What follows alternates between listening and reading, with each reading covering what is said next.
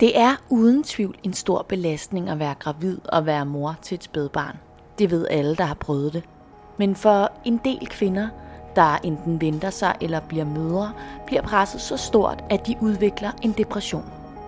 Og det kan være svært for kvinderne at erkende, og svært for sundhedspersonalet at opdage.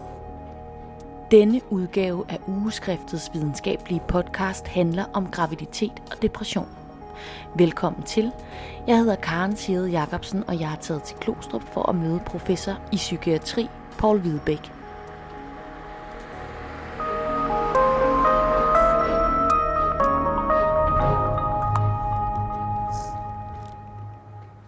Ja, jeg hedder Paul Hvidebæk, og jeg er professor i psykiatri og overlæge på Psykiatercenter Glostrup. og øhm, jeg arbejder med depressionsforskning og er meget interesseret i depressioner øh, under svangerskabet og i efterfødselsperioden. Altså symptomerne minder jo meget om almindelig depression i, i godsøjne, men, men man kan sige, for det første, så, så øh, øh hvis vi ser på depressioner under svangerskabet, så rammer de jo altså på et meget uheldigt tidspunkt, fordi man skal gerne øh, være så øh, rask som muligt, så at sige, når man skal føde. Det er en stor belastning at føde det, og, og efterfølgende at skulle øh, passe det lille barn, vende sig til et helt nyt øh, liv. Det er, det er en stor øh, psykologisk belastning, ikke? Så derfor så, så rammer det jo meget hårdt i familien, når, øh, øh når man bliver deprimeret i løbet af, af graviditeten. Og øh, det, der så er problemet, det er, som der også ligger i det, jeg siger, det er, at mange af de depressioner, de fortsætter efter øh, fødslen, øh, og, og kan på den måde forpeste tilværelsen for familien, og vi ser en, for eksempel en øget ophobning af, af skilsmisser og øhm, øh, øh, andre øh, ulykkeligheder i, øh, i den periode. Så det er en meget hård belastning at få et lille barn, og når så der kommer en depression oveni, så bliver det hele endnu værre.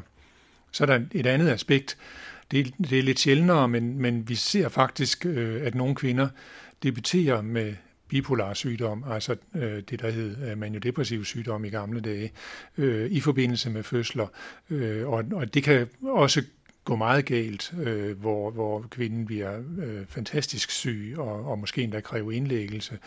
Øhm, så hvorfor det er sådan, det, det ved man ikke rigtigt, men, men vi ved bare, at det at føde, det er altså en, øh, og det at være gravid, og det at føde, det er en, en provokation for, for ens psykiske øh, velbefindende, ikke, som, som nogle kvinder ikke kan klare. Traditionelt har man haft en forventning om, at tiden som gravid og nybagt mor skulle være de lykkeligste tidspunkter i en kvindes liv. Det betyder jo, at øh, der er et, et stort mørketal. Øh, der er mange kvinder, som skammer sig. Det er jo indbygget i det at have en depression, at man skammer sig. Så derfor så øh, de tøvende over for at gå til læge eller, eller øh, sige det til sundhedsplejersken måske, hvordan de har det. Øh, og, øh, og derfor synes vi, det er vigtigt at gøre fagfælder opmærksom på, at øh, det, det er faktisk et problem, og det er ikke helt sjældent. Man kan opdage det jo på mange måder. Altså, nogle kvinder vil jo kunne fortælle om, at, at de føler sig nedtrykte og så videre, men, men ellers vil man, øh, er det jo vigtigt at interessere sig for, hvordan kvinden sover. Øh, altså i slutningen af graviditeten, der, der er der mange, meget, der forstyrrer søvnen, ikke med en stor mave, og man kan kun ligge i bestemte stillinger og, og sådan noget. Øh, og, og efterfølgende fødslen, jamen, så vil barnet væk i en og så videre. Men, men de fleste kvinder finder jo ud af at, at tilpasse sig, så de alligevel får noget søvn, og, og hvis barnet har vækket en og skal ammes, så falder man i søvn bagefter, og nogle kvinder, de kan nærmest arme i søvn. Ikke? Men det, som man som læge skal være interesseret i, og, og også som altså øvrigt personale omkring sådan nogle kvinder, det er jo, jamen hvis ikke kvinden kan sove øh, efter at have ammet, men ligger søvnløs i timevis for eksempel, øh, så ja, det, for det første er det udmattende i sig selv, ikke? Øh, fordi man skal altså bruge sine kræfter om dagen til at passe barnet. For det andet, så kan det være et symptom på en depression så, og et advarselssignal. Øh, vi ser også meget, at, altså, at depressioner øh, udvikler sig i kølvandet af sådan en, hvad skal man sige, belastende øh, belastende forhold og, og mangel på søvn. Så, så derfor mener jeg, at det, hvis man spørger efter, hvad skal vi være særlig opmærksom på, så, så synes jeg, at søvnen er meget vigtig at, at fokusere på. Men det er bare svært at bedømme, fordi der, som sagt, der er masser af gode grunde til, at, at kvinder ikke kan sove om natten. Så, så det skal man lige prøve at skille ud fra hinanden. Man har ofte hørt om efterfødselsreaktioner, men skældner man egentlig mellem de reaktioner, der kommer før og efter en fødsel? Vi ved, at omkring en tredjedel af de såkaldte efterfødselsdepressioner, dem kan vi faktisk spore tilbage, og de startede i graviditeten. Ikke? Så, så på den måde bliver begreberne udvisket, øh, at det kan sagtens være en tilstand, der, der starter t- øh, sidst i graviditeten, og så fortsætter den bare. Måske bliver den værre og værre og værre, eller, eller også er den slem nok i forvejen. Men den bliver så først opdaget, fordi kvinden helt mister taget, han er sagt, øh, i forbindelse med, med belastningen med at, at passe barnet. Ikke? Og så, så kan man tænke sig, at det er en efterfødselsdepression, men den, som sagt, den kan lige så godt være startet tidligere.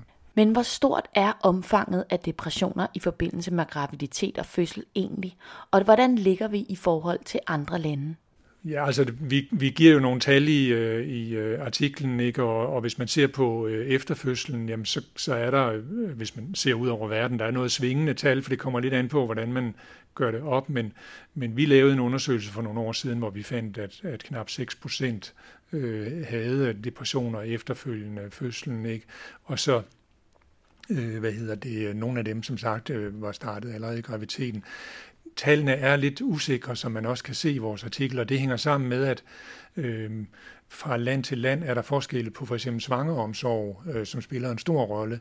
Øh, jo mere støtte kvinderne oplever at få i, i løbet af svangerskabet og efterfølgende, jo lavere forekomst. Så i lande, altså også i i-lande med, med ringe øh, svangeromsorg, der ser vi meget højere øh, forekomst. Øh, så det, det gør selvfølgelig det, det svært at, at vurdere, og, og i virkeligheden så skal man have danske undersøgelser for at kunne sige noget fornuftigt om det. Der har jo været meget stor debat herinde øh, for, for, for det sidste i forhold til netop den her svanger omsorg, at der er blevet ja. skåret kraftigt på det. Er ja. det noget, at man ligesom kan se... Øh... Og det, jeg tør ikke sige, om man kan se det i tallene, men, men vi ved i hvert fald, at det betyder noget på individplan, og, og som sagt, sammenligner man lande imellem, så, så betyder det noget, så slår det igennem. Og hvor ligger Danmark her? Altså... Jamen, der ligger vi jo ret pænt. Ja. Det må man sige, vi har altså, endnu da et godt sundhedssystem, der fungerer, og, og vi har en, en, en hederlig svangeromsorg, men, men selvfølgelig har der været nedskæringer i den, og, og, og der er der sikkert politikere, der kunne ønske sig øh, at reducere den yderligere.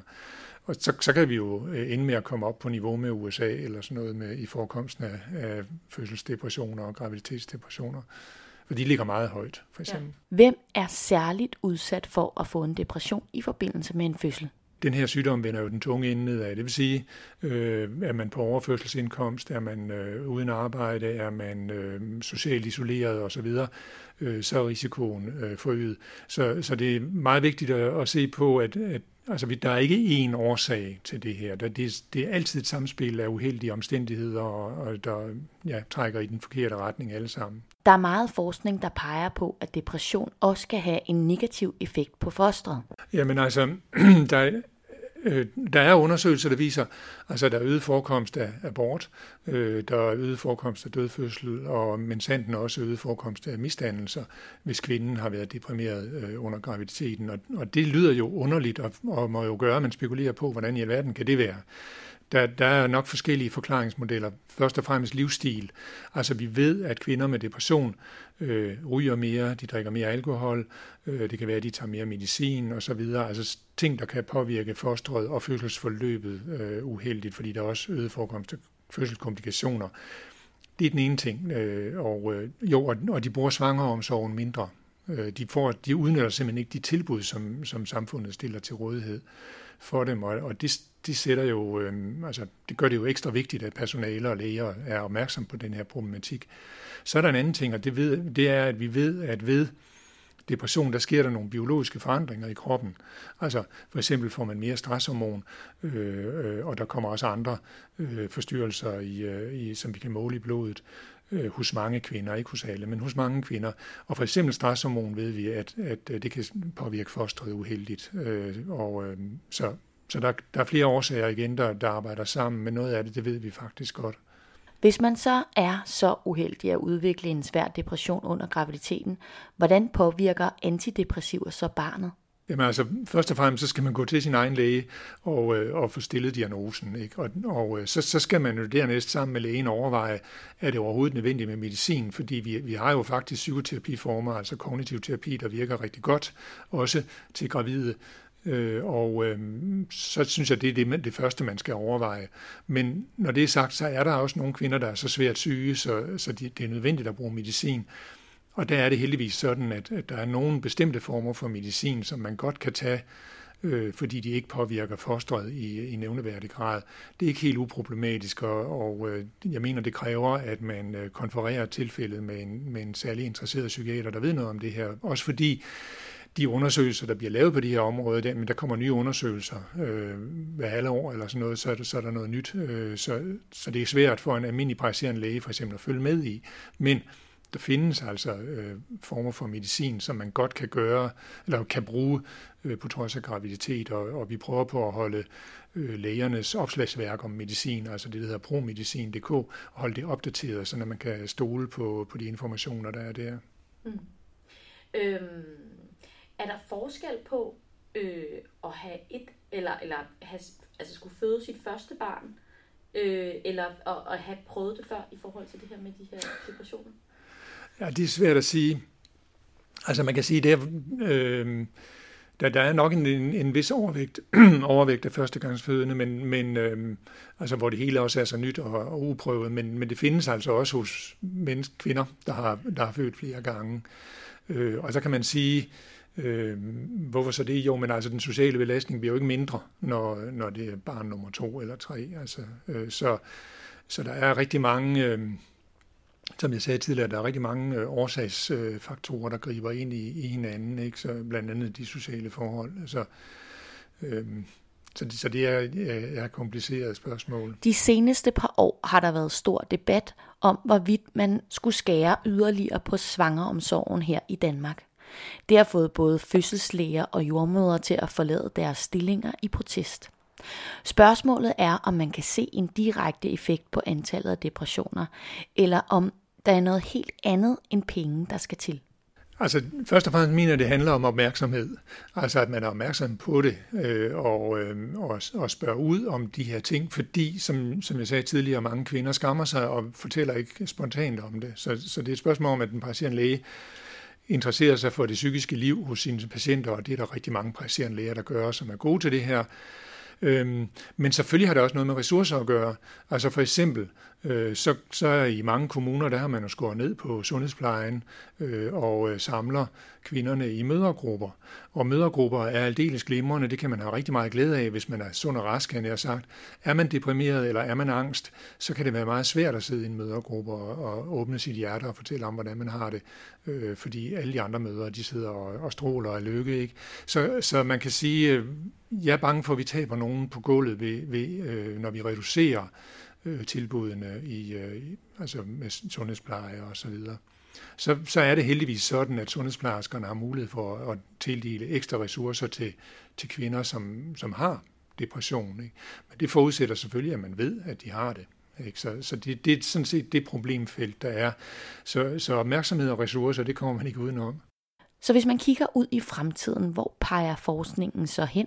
Altså, vi er jo meget interesseret i, øh, netop i, i de her dage, der øh, sidder vi og gør nogle resultater op fra et forskningsprojekt, hvor, hvor vi er meget interesseret i at se på biologiske risikofaktorer, altså for eksempel endokrine sygdomme, øh, fordi det viser sig, at øh, der er en overrepræsentation af øh, tilfælde med øh, for lavt stofskifte, altså myxødem, eventuelt det, vi kalder subklinisk for lavt stofskifte. Det vil sige, det er, det er ikke noget, som øh, nødvendigvis giver nogen symptomer, men, men hvis man måler det øh, øh, på hormonerne i blodet, så kan man se, at, at det er faktisk, de er for lave. Øh, vi ved også, at, at sukkersyge øh, giver øget risiko for øh, Øh, depressioner i den her fase af livet, øh, og det gør øh, den sygdom, der hedder polycystisk ovariesygdom også, altså en anden endokrin øh, sygdom. Øh, giver også øget risiko for, for depressioner. Så, så der er nogle biologiske øh, risikofaktorer, som man måske kan skrine for. Øh, det, det er noget af det, vi spekulerer på. Men selvfølgelig er der også nogle psykologiske risikofaktorer, øh, hvor... Øh, parforholdet øh, spiller en rolle. Følelsen af, om man er isoleret, eller om man har veninder og venner osv., øh, spiller en rolle. Øh, livsbegivenheder, belastende livsbegivenheder spiller en rolle. Så det er sådan et sammensurium af psykologiske og sociale og biologiske øh, risikofaktorer. Og hvis vi kan få skovlen under nogle af dem og, og finde frem til dem og eventuelt undersøge for dem, jamen så håber vi jo på, at vi kan forebygge nogle af de her tilfælde, fordi de belaster familierne kolossalt hårdt. I Danmark har vi en guldgruppe som forskere, som Paul Hvidebæk graver i for at blive klogere på sammenhængen mellem depression og biologiske faktorer. Sagen er, at i Danmark har vi nogle øh, gigantiske øh, sygdomsregistre, hvor, hvor vi kan lave sådan nogle undersøgelser, øh, som er enestående på verdensplan. Øh, og, og det er vi så faktisk ved at gøre netop i de her dage.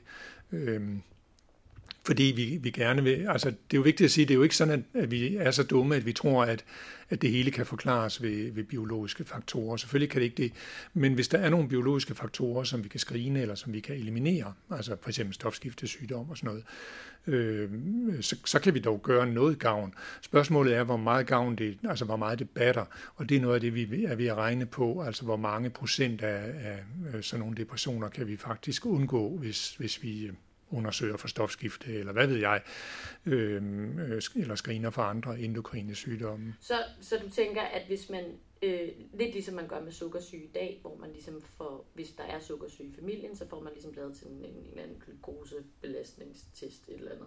Altså, vil, er, er det det, du ligesom forestiller dig, at hvis man har tendens til stofskiftesygdom, så får man, vil man så få øh, øh, hvad hedder det, tilbudt en ekstra screening? Er det, er det sådan, du ligesom vil Jamen altså, det er det, vi håber på, at, at øh, vi kan, altså at vores beregninger viser, at vi kan undgå et antal øh, tilfælde, hvis man for eksempel screener.